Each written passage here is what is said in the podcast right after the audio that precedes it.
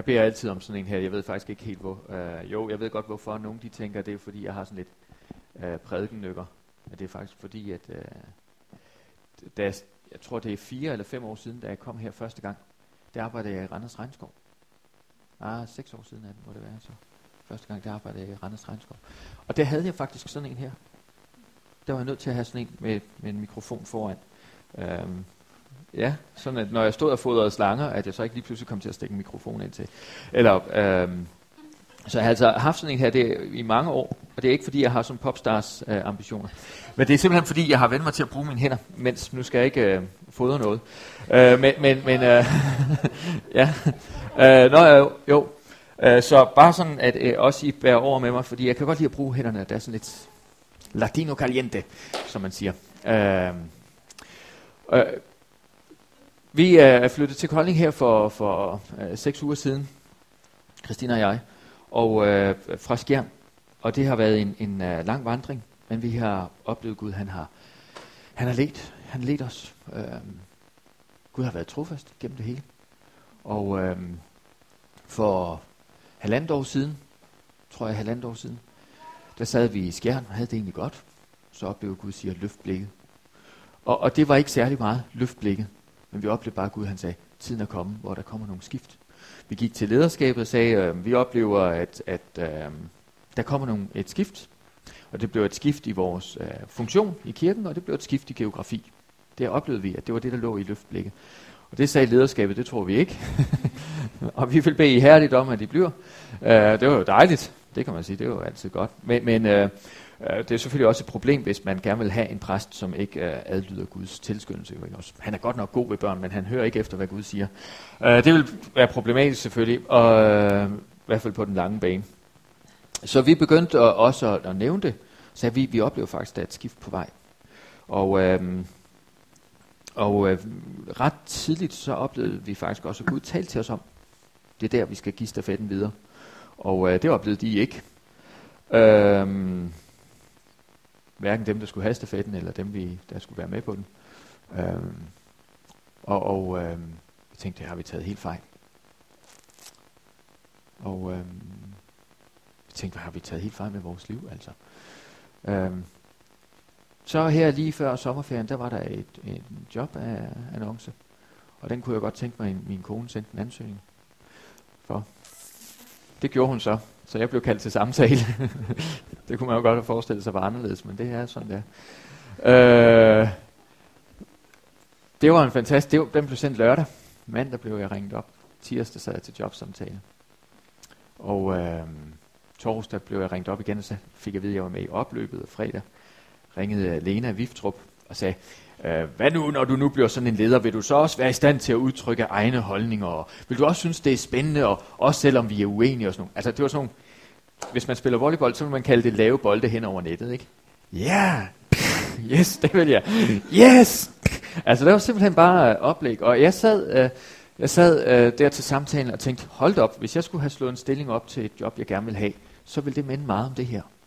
Øh, ja, jeg synes egentlig, det kunne være spændende at være på en kristen øh, øh friskole. Øh, den ligger i Kolding. Men, men det var sådan noget med, at du skal også være sådan øh, forgangsmand ind i naturfag. Ah, ja.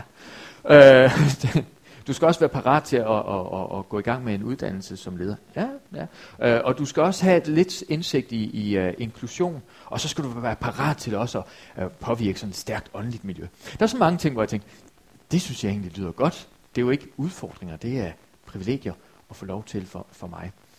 Jeg fik jobbet og, og, øh, og begyndte her efter sommerferien, og, og så gik der fire uger eller sådan noget lignende, fordi vi stod stadigvæk og, og ledte menigheden i, i skær. Og øh, så tager Lena mig til side og siger, Simon, jeg kan se, hvad du har gang i. Du ved godt, at du øh, har ansvaret for menighedens i og du ved også godt, at du oplever, at du skal være her som vises, viseskoleleder. Men du kan ikke begge dele. Så nu skal du gå hjem, og så skal du finde ud af, hvad du vil. Har Gud kaldt dig hertil, så skal du være her. Har Gud ikke kaldt dig hertil, så skal du ikke være her. Så skal du blive i skjern. Fordi jeg kan godt se, hvad det, hvad det er, du er i gang med. Om to måneder, så vil du stå fuldstændig udmattet foran lederskabet i skjern og sige, se selv, jeg prøvede. Ikke også? Men, men Vi fremskynder lige det uundgåelige, ellers så skal jeg sige farvel til dig til januar. Så vi fremskynder det uundgåelige. Du går hjem og finder ud af, hvad det er, du vil. Fordi de to måneder, det betyder ingenting for kirken i skær, men det betyder alt for dig. Du kommer til at køre dig selv i seng. Meget modigt. Det gjorde dybt indtryk på mig, jeg gik hjem og sagde til min kone, øh, Lena har sagt det og det og det, og øh, det gjorde indtryk på mig, jeg tror hun har ret. Vi kunne ikke få huset solgt. Så hvad gør man, når man står der og ikke aner sine levende råd? Vi googlede. hus til leje i Kolding. det første, der lige popper op, det var et hus, som vi tænkte, det ser godt nok lidt rodet ud, og så videre. Det var lagt op om lørdagen, men vi tænkte, det kunne vi måske godt leve i. Jeg kører derud om onsdagen. Og, og øh, jeg oplever, at, at jeg, jeg kommer i bilen der og kører op foran huset.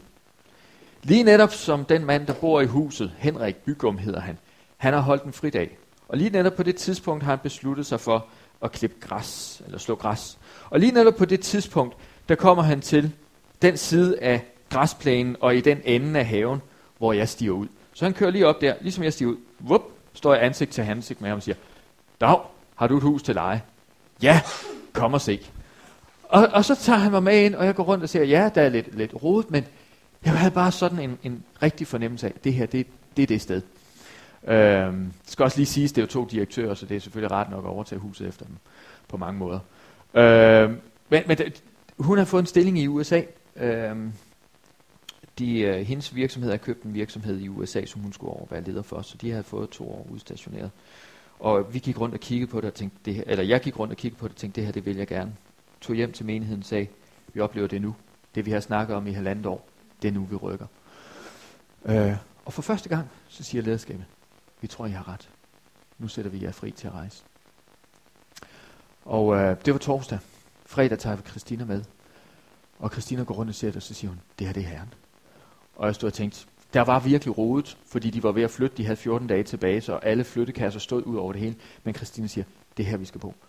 Øh, og og øh, vi giver hinanden håndslag, sætter vores hus til leje om aftenen, og det er fredag, allerede om lørdagen, at er, jo, er vi ude i at, at, at skrive lejekontrakten. Søndag er vores hus lejet ud for to år.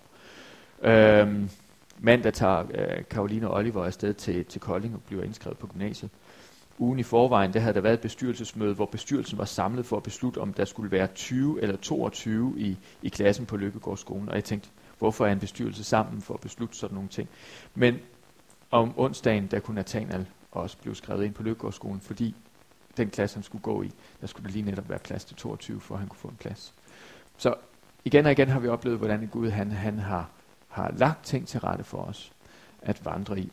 Christina kunne ikke få job, men det har hun så fået her og starter i det nye år. Vi oplever stor taknemmelighed. Vi oplever også, øh, når man kommer ud på den anden side, så kan man vidne om, Gud er trofast. Men før det er der altså en periode, hvor man går igennem en ørken uden noget andet end et ord fra Herren. Hvis man vil ind i løfterne, så må man gå igennem en ørken. En gang imellem må man gå igennem, og man må, må nogle gange opleve, at folk siger, selv dem, som var aller tættest på, sagde, Simon, er I sikre på det, I gør? Er I sikre på, at I ikke længere skal være forstander? Er I sikre på, at I, I skal forlade skjern?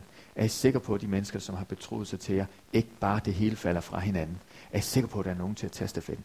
Vi har oplevet øh, mange spørgsmål, og spørgsmål, der kom tæt på. Men vi har oplevet, at når Herren har talt, så bærer det igennem. Og jeg ved ikke, hvordan øh, I har det, men den oplevelse af, øh, det er jo ikke bare fordi huset er der, men fordi huset er et tegn på, at Gud ser os. Derfor bliver huset uvurderligt. Det er jo ikke bare fordi, at Nathanael han kommer ind på den skole, men fordi Gud har kaldt mennesker sammen, at tingene har samvirket. Gud har kaldt mennesker sammen for at lægge ting til rette for os at vandre i.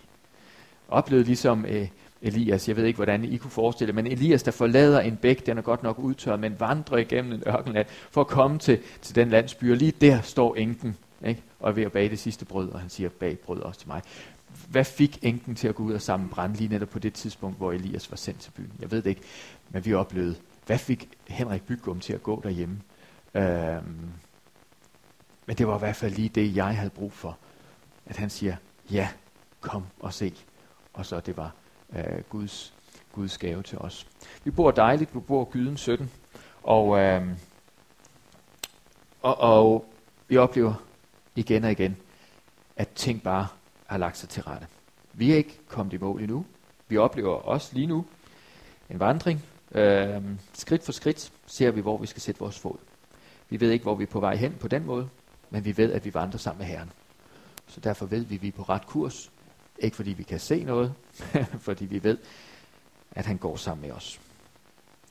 Det, øh, det er betryggende at vide, og jeg tror, at nu del af det her vidensbyrd, jeg tror, at der er nogle af jer, I oplever, yes, i er måske midt i, i ørkenen, eller I er måske på vej ind i ørkenen, eller I er måske lige på kanten af der, hvor I er på vej ind i løfterne, men I er lige ved at give op. Fortsæt jeres vandring. Det er ikke så meget, hvor I er på vej hen osv., men vandrer han sammen med jer. Går han sammen med jer. Har han talt, så bær det igennem. Så skal I få lov at opleve at komme ud på den anden side. Og øh, hvad sker der før det? Det er egentlig det, jeg, jeg har oplevet, og jeg skal dele nogle tanker med jer om. Hvordan kommer man ind der? altså, øh, hvordan ved man, at Gud han har talt? Det er svært. Fordi det kræver, at du kender Gud. Øh, men jeg vil prøve at dele nogle, nogle, nogle vers med jer. Og jeg vil egentlig tage udgangspunkt et, et, et lidt andet sted. Øhm, fordi det, den overskrift, jeg havde her, det er, at det koster noget. Og, og jeg ved ikke helt, hvordan at, at, at, øhm, at jeg skal sådan helt øh, gøre det her redde, eller gøre redde for det her. Men jeg håber, I vil være parat til, at jeg også bare deler liv med jer. Øhm, i, I min barndom, der havde man sådan et begreb, som nogle gange er glædet lidt ud, at man fik nød for noget. Man fik nød for noget. Og, og øh, jeg tror, at når Gud han så på verden, og så, at menneskerne havde vendt, sig, vendt, øh, vendt ham ryggen, så fik Gud nød for verden. Han så ned på menneskerne, som havde vendt sig i oprør, og han tænkte, hvad skal jeg gøre for at hjælpe menneskene? Hvad skal jeg gøre? Og han fik en sådan nød, kærlighed, længsel efter, at menneskerne skulle omvende sig til skaberen igen, så han sendte sin søn. Det kostede ham på den måde alt. Men han havde en sådan nød for dig og mig, at han sendte sin søn. Og, og jeg beder nogle gange, Gud, giv mig bare en fli. Lad mig bare mærke en fli af det hjerte, som, som førte dig til korset for mig. For jeg ved, det vil forvandle mig. Og jeg tror, at den nød, den længsel, den, den, den sorg, på en måde smerte, som Gud har for dig, Gud har for, for, for, for menneskerne, den tror jeg er vigtig, at vi også får del i. Øh, ikke fordi, at det på en måde er, er, er dejligt at pine sig selv. det er ikke det, jeg snakker om. Men fordi, at, at den længsel er som en, en, øh, på en eller anden måde er den god. Der er en livlighed over den længsel, som er svær at forklare. Og, og øh, vi har i vores menighed, der har vi snakket om det, Gud gør os sultne. Ikke fordi det er rart at være sultne, men fordi at der er nogle ting, som vi kun oplever med Gud, hvis vi er virkelig desperate efter det. Og, og øh, jeg kan ikke forklare det på anden måde, end at vi har brug for at være desperate efter Gud, hvis vi vil opleve Gud dybere. Derfor er desperation og sult og den her smerte, så er den god. Ikke fordi den på den måde er god, men fordi den skaber en længsel og et drive øh, om, at tingene kan blive anderledes. Gud, hvis Gud ikke havde haft den smerte for dig og mig, så havde vi ikke siddet her i dag. Hvis han ikke havde sagt, jeg vil give mig selv, for menneskerne, så havde vi jo ikke vendt os til ham. Men fordi vi ser hans kærlighed og hans nød for os, så har vi vendt os til ham. Paulus han beskriver det. Måtte jeg dog bare opleve mere af korsfællesskabet. Måtte jeg bare opleve mere af der, hvor jeg dør fra mig selv og giver mit liv for andre, for at jeg kan opleve mere af hans herlighed. Så Paulus han kendte til det. Han beskriver det også i, i Romerbrevet. Han beskriver det, hvordan at ånden kommer os til hjælp. Den sukker den sukker af længsel efter Guds børn skal blive herliggjort. Hvad er det, vi oplever, når vi går i forberedte gerninger? Jo, at Guds herlighed over vores liv bliver herlig, Altså, han bliver herliggjort. Jeg kan få, stå her og vidne om, Gud er trofast. Han taler. Han leder. Og han fører igennem. Så, så Gud, han bliver herliggjort. Men, men, men hvor starter det hen? Ved at ånden går i forbøn og sukker, og der er en længsel om, at tingene skal blive anderledes. Der starter det. Den længsel starter det med. Og, og, øh, og øh, jeg er ikke øh, ekspert i det her, men jeg ved, jeg kender manualen, og jeg kender, øh, eller jeg ved, hvor manualen er henne, og jeg klynger mig til den. I Matteus evangeliet, der står der om, hvordan at Jesus han kiggede på, på menneskerne, og han blev bevæget. I Matteus evangeliet kapitel 9, vers 35-38. Jeg har ikke noget ur her. Øh, jeg ved ikke engang, hvor lang tid jeg har. Har jeg et kvarter, 20 minutter? Det omkring. Det jeg har brug for. det er farligt. det er farligt. Um, jeg, jeg deler bare, øh, altså det, det er jo ikke, øh, øh, I ved jo også godt, vi, øh, det, det kan I jo se, det, det er, der er ikke nogen af os, der er sådan et eller andet Mr. Perfect. Øh, men jeg tror, vi alle sammen har noget, og Gud har lagt noget ned i vores liv, som han længes efter skal komme til udtryk. Gud har fyldt jeres hjerter, og Gud har fyldt jeres liv med hans hellige ånd. Og jeg tror på, at det er nøglen til forvandling i vores land, og først og fremmest i Haderslev og jeres familier. Og, og, øhm, og i, i Matteus evangeliet, der kan man se, at Jesus gik omkring i alle byerne i kapitel 9, vers 35, og underviste i deres synagoger og prædikede evangeliet om riget og helbredte al sygdom og lidelse. Da han så folkeskarne, ynkedes han over dem, for de var vandrygtede og forkommende som får uden hyrde. Der sagde han til sine disciple, høsten er stor, men arbejderne få. Bed derfor høstens herre om at sende arbejderne ud til sin høst. Øhm, der er sådan nogle, nogle, nogle, nogle dobbelte billeder, som går ind her. Den ene, det er, at Jesus han ser noget, som de andre ikke ser. Han ser nogle behov, som får ham til at blive bevæget dybt. Han siger, åh, ville der dog var, bare være nogen, som bragte Guds nærvær til menneskene her i Israel? Åh, ville der dog bare være nogen? Og så lægger han hænderne på og siger, bring Guds nærvær, sig Guds rige kommet nær, bring det til menneskerne, gå ud og, og disciplene gik ud og bragte Guds nærvær, bragte helbredelse, bragte udfrielse, bragte evangeliet, gode nyheder til mennesker. Han havde en længsel efter Guds nærvær skulle, og, og herlighed skulle blive synlig over Israel. Menneskerne skulle komme til, til Gud og opleve at få deres, hvad kan man sige, deres sag i orden og få deres liv fikset altså. Og jeg tror på, at der er den kraft i evangeliet.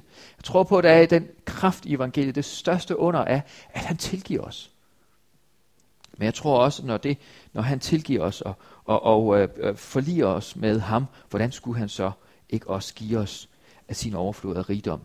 Også øh, hvad angår det, det, det vores læmer, hvad angår vores livssituation. Han vil vejlede dig. Øh, og og øh, der er det andet billede også, hvor Jesus han i den her forbindelse også siger, at jeg har mad at spise. Jesus han siger altså, jeg har en sult efter mennesker skal høre evangeliet i, i Johannes evangeliet står den samme beretning også der. Men, men der er altså en nød, som rører Jesus. Og, øh, og den her nød eller længsel, den er nødvendig. Jeg ved ikke helt, hvordan at jeg kan beskrive den. Øhm, men jeg tror, det er vigtigt, at vi må lade os bevæge af den hellige ånd.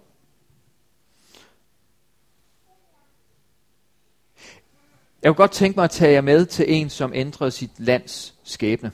For jeg tror faktisk, det er det, som Gud han ønsker os, øhm, at vi skal være en del af. Der er nød, og der er en længsel. Der er en smerte ved tingenes tilstand.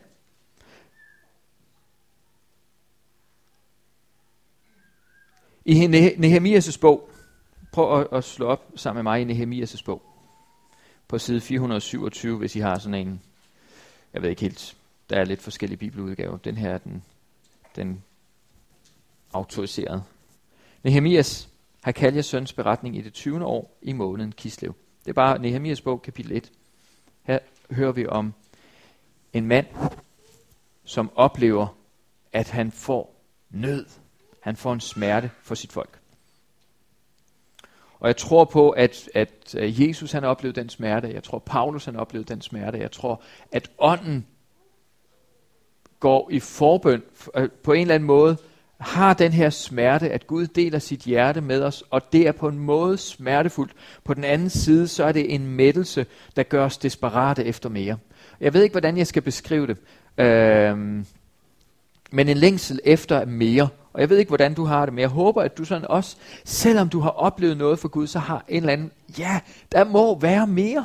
Der må være mere for mig at få i mit liv. Der må være mere for mig øh, øh, at, at leve i. Der må være mere for, for menigheden at leve i. Der må være mere for, for øh, Guds folk i Danmark. Der må være mere for Danmark. Det kan ikke være sandt, at, at, at, at Gud ikke har mere hjerte for Danmark. Gud, del dit hjerte for Danmark med mig, sådan at jeg kan blive sat i brand og, og, og få den her smerte, om det så må være en smerte. Men giv mig den smerte for vores land, sådan at jeg længes efter, at det skal blive anderledes, sådan at jeg kan være med til at skabe en forandring.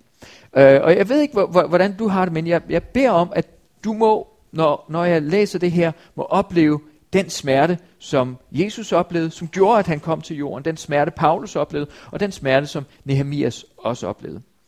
Der kom nogen til, til Nehemias. Jeg spurgte dem ud om judæerne, de overlevende, der var tilbage fra fangeskabet, og om Jerusalem, og de svarede mig, de som der i provinsen er tilbage fra fangeskabet, lever i stor nød og vandære. Jerusalems mure er brudt ned, og dens porte er gået op i flammer. Da jeg hørte disse ord, satte jeg mig ned og græd og sørgede i dagvis, mens jeg fastede og bad for himlens Guds ansigt. Ak herre, sagde han, lad dit øre lytte, lytte til din tjeners bøn. Og, og her, her bliver Nehemias overvældet af, hvordan landets tilstand ser ud. Murene er væltet ned. Folk lever i stor nød. Og han siger, det er mit folk, Gud. Gud, hør mig. Jeg beder for mit folk. Og, og, og øhm, jeg tror, jeg ved, at Gud har nød for Danmark. Gud, han, når han kigger ud over Danmark, så glæder han sig selvfølgelig også over dem, som øh, os, som i dag er samlet i, i, i hans navn, og priser ham og takker ham for frelsen og hans nåde. Men jeg tror også, han tænker, der er så få, eller der er så mange i Danmark, som ikke kender min nåde som ikke kender min godhed, som tror, jeg er vred på dem, og som ikke ved, at jeg har givet min søn, for at de kan komme ind og leve i fællesskab med mig. De er bedraget af alle mulige ting, som de tror gør dem lykkelige, men de ved også godt, eller de ved det måske ikke, så vil de jo ikke være bedraget, men vi ved jo også godt, at rigtig mange af de ting, som mennesker giver sig selv hen til, det er ren og skær bedrag. Det ender i, i ulykke, eller, eller hvad kan man sige, i død, afsondrethed.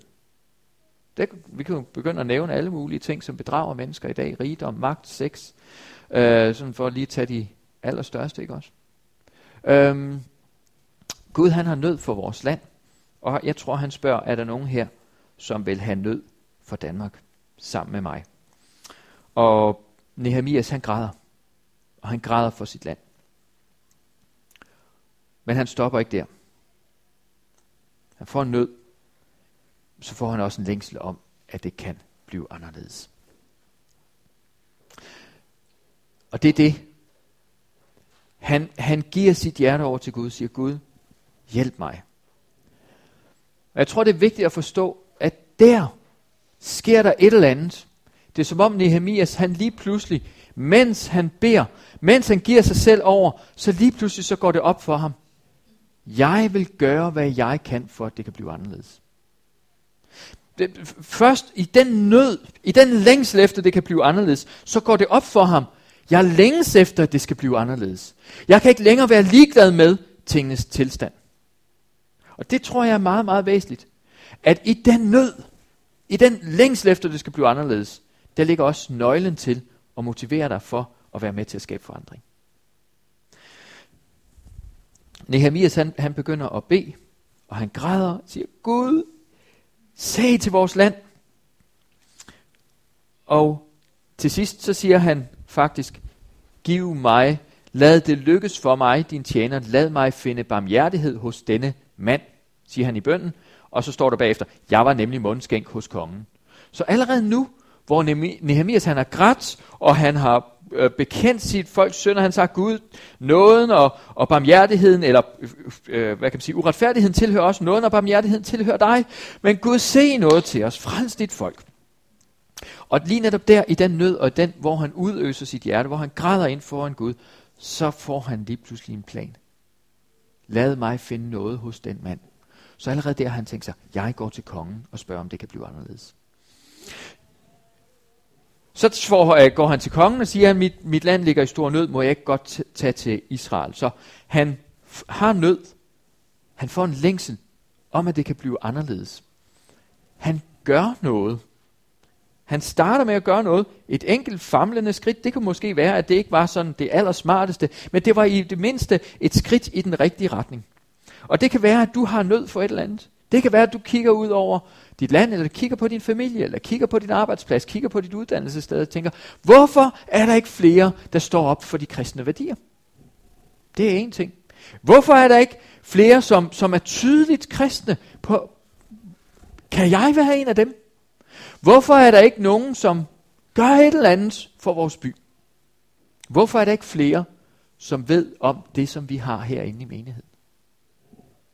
Jeg tror på, at det vi har her, det kunne vende op og ned på mange menneskers liv. Jeg tror på, at der er kraft her til, at folk de finder ro, fred med Gud. Det kan godt være, at jeg overdriver, men tror I ikke, at mange mennesker i deres liv har brug for fred med Gud? Tror I ikke, at, at hvad kan man sige, hvis folk vidste, at de kunne få fred med Gud herinde, at det rent faktisk ville være, undskyld mig udtrykket, en cellert? Og alligevel går folk forbi og tænker, kan jeg vide, hvad de laver derinde? Øhm, en længsel, en nød. Han begynder at gøre noget. Og så sker der noget. Lige pludselig så bliver han, går han fra at være en mand, der udøser sit hjerte, til at være en mand med en plan. Der kunne jeg godt tænke mig, han ser lige pludselig noget, som ingen har set før. I Daniels bog, der står der om, at murene de var nedbrudt, og de havde ligget nedbrudt i 70 år. Jeg ved ikke, om du kan forestille dig, at folk, der bor i Israel, de jogger hen over murbrokkerne. Dum, dum, dum. Øh, i, I 70 år vogter og får og så videre, de løber rundt, og murbrokkerne er groet til og så videre, og så videre, og nogen tænker, kan jeg egentlig vide, hvorfor den murbrok ligger der, hvad, hvad er det egentlig, vi går og jogger hen over hver eneste dag? Det er da egentlig underligt. Kan jeg vide, hvor, hvorfor har vi ikke en bymur? Alle folk, de kan jo plyndre os. Det er egentlig underligt. Sådan har folk levet i 70 år. Ingen har tænkt på, at det kunne blive anderledes. Så kommer Nehemias. Kan jeg ikke få det billede op?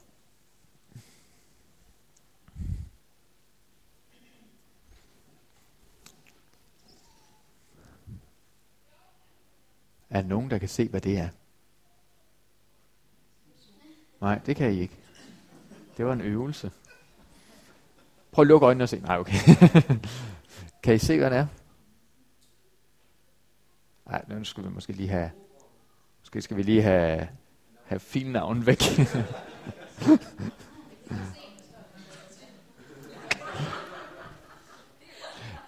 det var lightning fast mind. Måske skal jeg kalde den noget andet synsbedrag eller synsøvelse eller sådan noget lignende. Kan vi få den sådan lidt henad?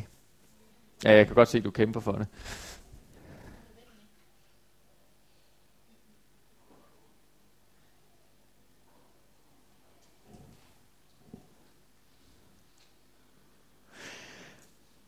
Er der nogen, der sådan lidt kan se, hvad det er, bortset fra, fra titlen? Er der nogen, der sådan kan se, hvad, hvad er det, vi har her? Du kan godt se det. Kan se, der er en, ikke? Kan alle? Kan I, ja, man kan godt se det. Man kan godt sådan lidt se, der er nogen, der kan se, hvad, hvad er det her? Det var øret, ja. Ja, det er rigtigt. Hvad er det? Det, der er lidt her, sådan. Det bagben, ja. Flot. Og der er sådan en, lidt ligesom noget, lignende en fortovskant, og som om der er et eller andet bed herover, ikke? Med et træ i, måske. Den ser også ud, som om den har et halsbånd. Er det ikke rigtigt? Så der er en dalmatiner her. Men vi er også enige om, der er jo ikke en dalmatiner der. Er det ikke rigtigt? Der er jo ikke nogen hund deroppe. Vi kan alle sammen se den. Er det ikke rigtigt? Vi kan alle sammen se, at der er en hund deroppe. Men der er jo ikke nogen hund deroppe. Der er bare en masse pletter. Sådan ikke helt tilfældigt ordnet. Men vi ved også godt, at der er en hund deroppe, fordi der er en hund herinde. Er det ikke rigtigt? Vi har en hund herinde, derfor ser vi, at der er en hund deroppe. Hvis vi ikke havde en hund herinde, så ville der ikke være en hund deroppe. I har lige fået en vision.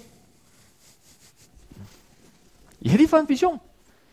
Der er masser af ting, som på den måde ikke er endnu, men som er, fordi Gud har talt. Det er herinde. Man siger omkring Walt Disney, til øh, Walt Disney, det var ham, der var grundlægger af Disney World. Han oplevede ikke, at Disney World blev indvidet. Og på dagen der ved, ved, ved, øh, ved den her øh, indvielsesdag, så var der nogen, der sagde, var det ærgerligt, at Walt Disney han ikke kunne leve og se Disney World. Så siger ham den anden, han så Disney World. Det er derfor, det står her i dag. Prøv at lægge mærke til det. Han så Disney World. Derfor blev Disney World.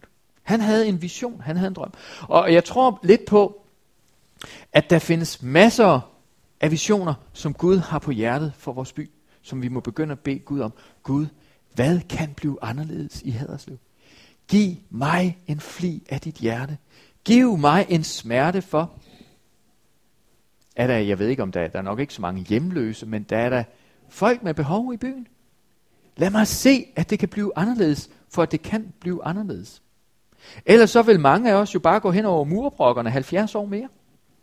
Indtil lige pludselig kommer nogen og siger, hey, er I godt klar over, at der burde stå en mur her? Man siger omkring Mother Teresa, hun blev jo ikke kendt, fordi hun gjorde noget ekstraordinært.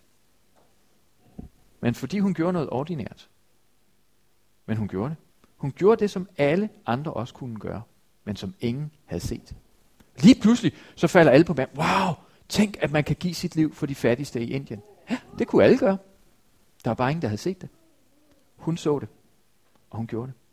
Hun så et behov. Hun så de fattige i Indien. Jeg får nød for de, de fattige i Indien. Jeg vil gøre en forskel for dem. Og så lige pludselig, så blev det et storslået værk. Et mirakel, vil jeg kalde det. Øh, Nehemias han så noget, som ikke var endnu. Og så, så tager han, han køber sig et æsel, så rider han rundt og ser murene. Så han får en nød. Han får nød. Så begynder han at tænke, det, det skal blive anderledes. Han får en vision. Så gør han noget. Og så skaber han overblik. Det er også lidt vigtigt. Han skaber sig et overblik, han får et, et, et æsel, og så rider han rundt om natten. Så siger han, hvad skal der egentlig til for at få bygget den her mur? Og så kan man så tage, jeg går slet ikke ind i, så er der en masse fede lederskabsprincipper om, hvordan han, han får blæser i trompet og får folk til at arbejde lige over for deres eget hus og alle sådan nogle ting. Den måde, han organiserer det på, det er super sejt. Men, men det starter med, at han skaber sig et overblik. Han finder ud af, hvis det her det skal kunne lykkes, så er jeg nødt til at gøre sådan og sådan og sådan. Han skaber sig et overblik. Og det er lidt vigtigt. Fordi der er rigtig mange visioner, der dør, fordi man tænker, ja, jeg vil gerne visionen. Men man tænker ikke over, så betyder det et nej til nogle andre ting. Hvis vi læser Nehemias' bog, så ser vi, at der var mange ting, han sagde nej til. Igen og igen, han sagde nej til at blive æret som fyrsten. Han sagde nej til at få sit underhold for folket. Han sagde nej til selvfølgelig først og fremmest at blive som mundskænk, hvor han havde et fedt liv. Det sagde han nej til. Han drog afsted og levede et, på mange måder et, et miserabelt liv i forhold til det liv, han havde ved hoffet. Og jeg tror, det er vigtigt, at man gør sig klart, hvis jeg vil være noget for andre mennesker, så er der nogle ting, omkring mig selv, jeg er nødt til at sige nej til. Jesus sagde nej til sig selv. Paulus sagde nej til sig selv. Og jeg tror, det er vigtigt, at vi også forstår den side af det. Jeg ved ikke, hvordan øh, vi oplevede, at Gud kaldte os. Og øh, Gud havde lagt nogle ting til rette for os. Og alligevel så var det som om, vi var modstridende hele vejen. um, det er ikke sådan, jeg læser om Nehemias. Nehemias, han er, hvad kan man sige, uh, det er jo, det ved vi også godt, det er jo en helt anden liga. Men alligevel kan vi nogle gange på vores niveau få lov til at opleve sådan nogle ting. Også? I, I, vi kan få lov til at opleve, at Gud leder os. Gud giver os drømme. Jeg oplevede det her for nylig, at, at øh, ej ikke for nylig, men, men for 14 dage siden, der sad jeg sammen med nogen, og vi snakkede om, hvordan det var dengang Karoline hun kom på efterskole. For fire eller fem år siden, også fire år siden, der var, øh, mildest talt var Karolines og hendes fars forhold rimelig belastet. Uh, hun har truffet nogle valg, som hendes far ikke var enig med hende i. Uh, og uh, hun synes, det var vildt træls, hendes forældre. Eller hun, hun var træt af hendes forældre, og hendes forældre var også nogle gange sent om aftenen måske også kunne være fristet til at synes også, at det var trættende. Øhm. Og, og øh, vi ringer op til efterskolen og sagde, kan, kan du tage Karoline? Og Finn, mester, han siger, ja, bare kom med hende. Og der oplever vi, at, at der går to måneder eller sådan noget lignende, så ringer jeg op, hvordan går det så med, med Karoline? Nå, prinsessen? Nå, prinsessen? Prinsessen, jeg, lige et øjeblik, jeg har lige snakket med hende. Jeg fik lige en krammer her i morges. Øh, lige pludselig så jeg tænker, er det hende møgunge, du snakker om? Nej, undskyld. Men, men, der var nogen, der havde set noget, som jeg ikke havde set i min egen datter. Jeg havde set noget forkert. Jeg havde ikke set det rigtige. Finn Mester, han så lige pludselig, wow, hvor er det en fantastisk pige. Hun er da en prinsesse. Og han begyndte at kalde på det, dag efter dag, sagde han, prinsesse, hvad så prinsesse? Hvordan går det? Er du flittig i skolen? Hvad så prinsesse? Opfører du dig ordentligt over for kammerater? Og min datter, det var simpelthen som man vender en hånd. Nat og dag altså. Det år der, det var fantastisk at se, hvor meget hun bare rykkede sig. Lige pludselig så synes hun, det var fedt at være nørdet. Det var ikke fedt at skændes med lærerne. Hun var faktisk nogle gange venlig over for sine forældre. Nej, øh, nu overdriver Nej, nej, ikke på den måde. øhm. Finn, han, han, han så noget. Og jeg snakkede med Finn her for 14 dage siden og sagde, er du godt klar over, hvilket mirakel du var med til? Og er du godt klar over, det var helt almindeligt, det var helt normalt for dig at være med til at skabe sådan et mirakel? Ja, det er jo det, vi gør. Han havde ikke engang lagt mærke til det. Han havde bare gjort det, som han havde i sit hjerte. Den nød, han havde for teenager, fik min datter lov til at få del i. Der var et eller andet, hvor han, og hvis man spørger Finn Mester, så har det helt sikkert ikke været uden sværslag. Der er nogle ting, han har, nu kender jeg også Finn Mester, der er nogle ting, han har måttet sige nej til, for at være, ja, nærværende for de unge mennesker. Men han har set noget, der driver ham. Han er også fuldstændig, altså når, når jeg snakker med ham, og jeg hører hans 60-70 timers arbejdsuge og så videre, så sidder jeg også og tænker, det er også fuldstændig ud af out of my league.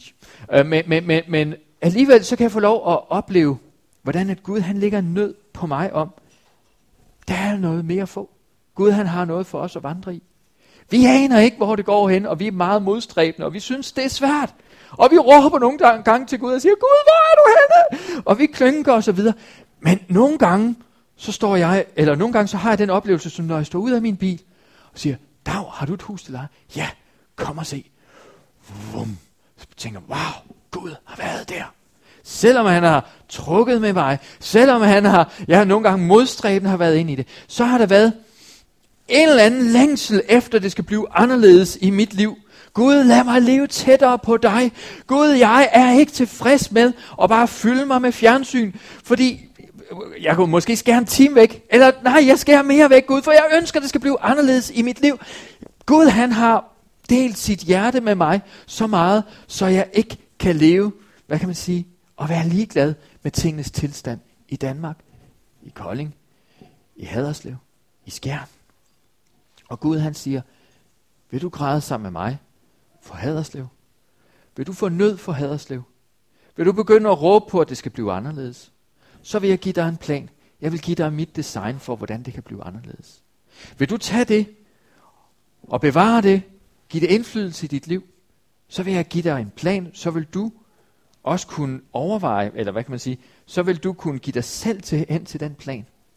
Og så vil du opleve, hvordan at min plan, når du følger den, mange gange så har vi sådan en oplevelse af, at det skal bare sige, puh, puh, puh, puh. men jeg tror faktisk, den daglige vandring, hvor vi vandrer i lydighed med Gud, det er nærmest et større mirakel end de der du, du, du. Jeg er mest til de der du, du, du. Det er fordi, jeg er sådan lidt en utålmodig sjæl. Men jeg tror faktisk, at den daglige vandring, hvor du hver eneste morgen siger, Gud, lad mig være et lys på arbejde. Gud, tag hånd om min familie. Gud, vær nærværende over det her hjem i dag. Det tror jeg faktisk er et gigamirakel. Og det gør en forskel. Nehemiah så en plan, han overvejede. Han skabte sig et overblik. Han overvejede omkostninger. Han sagde, ja her, jeg vil gå. Jeg vil være i det her. Og det mest fantastiske er, at de murbrokker, som man havde gået hen over i 70 år, og tænkt, hvorfor ligger de her, og gav videre, om vi kunne få en bymur, og hvorfor har vi ikke en bymur, og så videre, og så videre. 70 år. Nehemias kommer, og han har en plan, fordi han fik en længsel, en nød efter, det skulle være anderledes. 52 dage står der. 52 dage. Prøv at læse sammen med mig i Nehemias' bog. 6.15. Nehemias' bog, kapitel 6, vers 15. Efter 52 dages forløb stod muren færdig den 25. dag i måneden Elul. 52 dage, der, der er så mange fede ting, da alle vores fjender hørte om det. Så, så trak de sig. De var på den, på, hvad kan man sige, de var igennem. De var kommet igennem på den anden side. Der var sket en forvandling. Alle fjenderne, som ikke havde anerkendt Israel, de måtte lige pludselig anerkende, Gud er med dem. Det her de jo ikke ville anerkende undervejs. Og, og jeg tror på, at hvis Gud han får lov til at dele sin nød og sit hjerte med os, så kan Gud gøre fantastiske mirakler i vores liv, i vores familie, den her by, den her menighed. Det kræver på en eller anden måde, at vi siger, Gud, del dit hjerte med mig. Må jeg få lov til at opleve mere af din smerte for tingens tilstand. Det er ikke, jeg, jeg snakker ikke om en utilfredshed med tingens tilstand. Jeg snakker om et glimt af Guds nåde og herlighed over vores by, og siger, wow. Fordi det er ikke sådan, Gud han på den måde er utilfreds, men han har en længsel efter, at mennesker skal leve sammen med ham, og at Haderslev skal opleve den velsignelse og den nåde, som Gud han har for Haderslev. Han ønsker, at den velsignelse og nåde, den skal komme til udtryk igennem jer. Det er en god ting. Men det starter med en smerte. Smar- starter med, at vi siger, Gud, så vil jeg ikke længere leve for mig selv. Jeg vil sige, Gud, her er jeg. Må jeg stå foran dig? På en eller anden måde sige, Gud, kan det på nogen måde blive anderledes for Haderslev?